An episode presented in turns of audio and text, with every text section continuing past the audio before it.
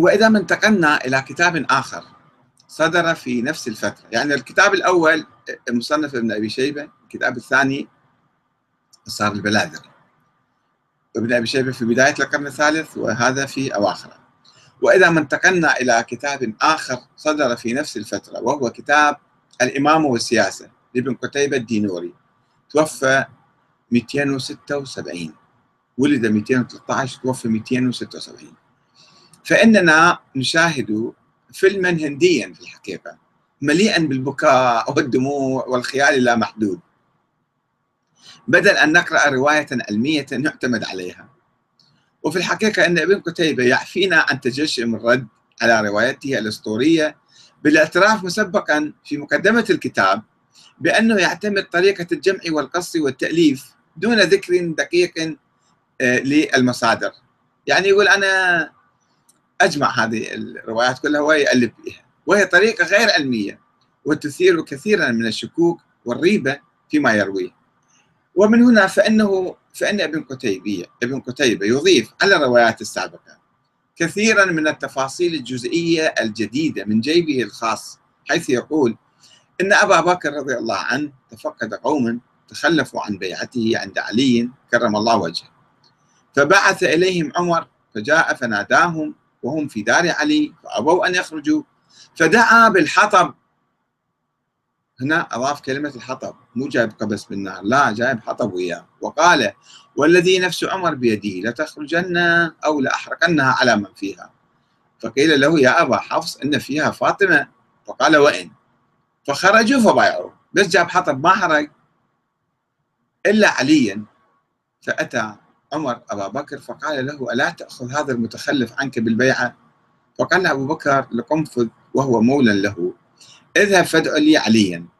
قال فذهب إلى علي فقال له يدعوك خليفة رسول الله. فقال علي لسريع أما كذبتم على أو كذبتم كذبتم على رسول الله؟ فرجع فأبلغ الرسالة. قال فبكى أبو بكر طويلا. فقال عمر الثانية لا تمهل هذا المتخلف عنك بالبيعة. فقال أبو بكر رضي الله عنه لقنفذ عد إليه. فقل له خليفة رسول الله يدعوك لتبايع. فجاء قنفذ فأدى ما أمر به فرفع علي صوته فقال سبحان الله.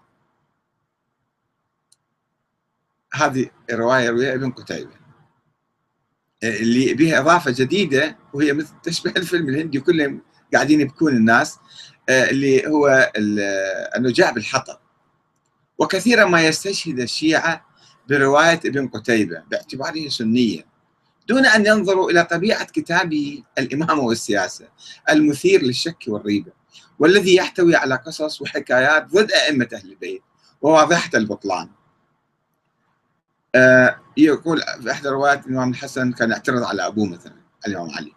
ورغم أن مؤرخين سنة آخرين ذكروا قصصا مشابهة في القرون التالية فإن مجرد نقل أي كاتب من أي طائفة لأي خبر. حتى لو كان بلا دليل ولا سند لا يمنح روايته مصداقية علمية أو يرفعها إلى مصاف الروايات المتواترة المتفق عليها كما فعل مثلا ابن عبد ربه الأندلسي. هذا توفى سنة 328 في القرن الرابع يعني. في العقد الفريد يقول عندما ذكر رواية التهديد بحرق بيت فاطمة وأضاف عليها أمر أبي بكر لعمر بمقاتلة علي والعباس والزبير الذين قعدوا في بيت فاطمة حتى بعث إليهم أبو بكر عمر بن الخطاب ليخرجهم من بيت فاطمة وقال له إن أبوا فقاتلهم فأقبل بقبس من نار على أن يظلم عليهم الدار فلقيته فاطمة فقالت يا ابن الخطاب أجئت لتحرق دارنا؟ قال نعم أو تدخل فيما دخلت فيه الأمة.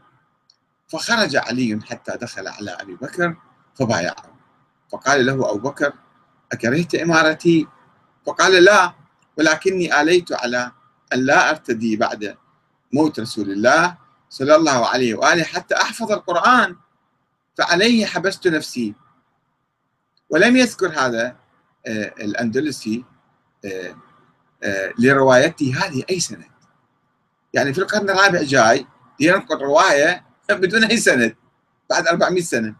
رغم أنه ينقل رواية أخرى لا يوجد فيها سوى ندم أبي بكر في آخر لحظة من حياته عن كشف بيت فاطمة. يقول أن أبو بكر في آخر حياته يعني قال أنا ما كاشف بيت فاطمة يعني ما رايح بقوة داخل البيت ونطلع الجماعة من البيت. وإذا صحت هذه الرواية فإنها إذا صحت رواية الكشف اللي ينقلها هذا الأندلسي إذا صحت هذه الرواية فإنها لا تحمل في طياتها أكثر من كشف البيت أو تفتيشه أو إجبار إخراج الناس من عنده. دون اعتراف باستعمال العنف أو تهديد بإحراق البيت على فاطمة والزهراء عليه السلام. ولكن الأمور تتطور عادة عبر التاريخ ومن الأصدقاء إلى الأعداء فتصبح الحب الحبة قبة والأسطورة حقيقة.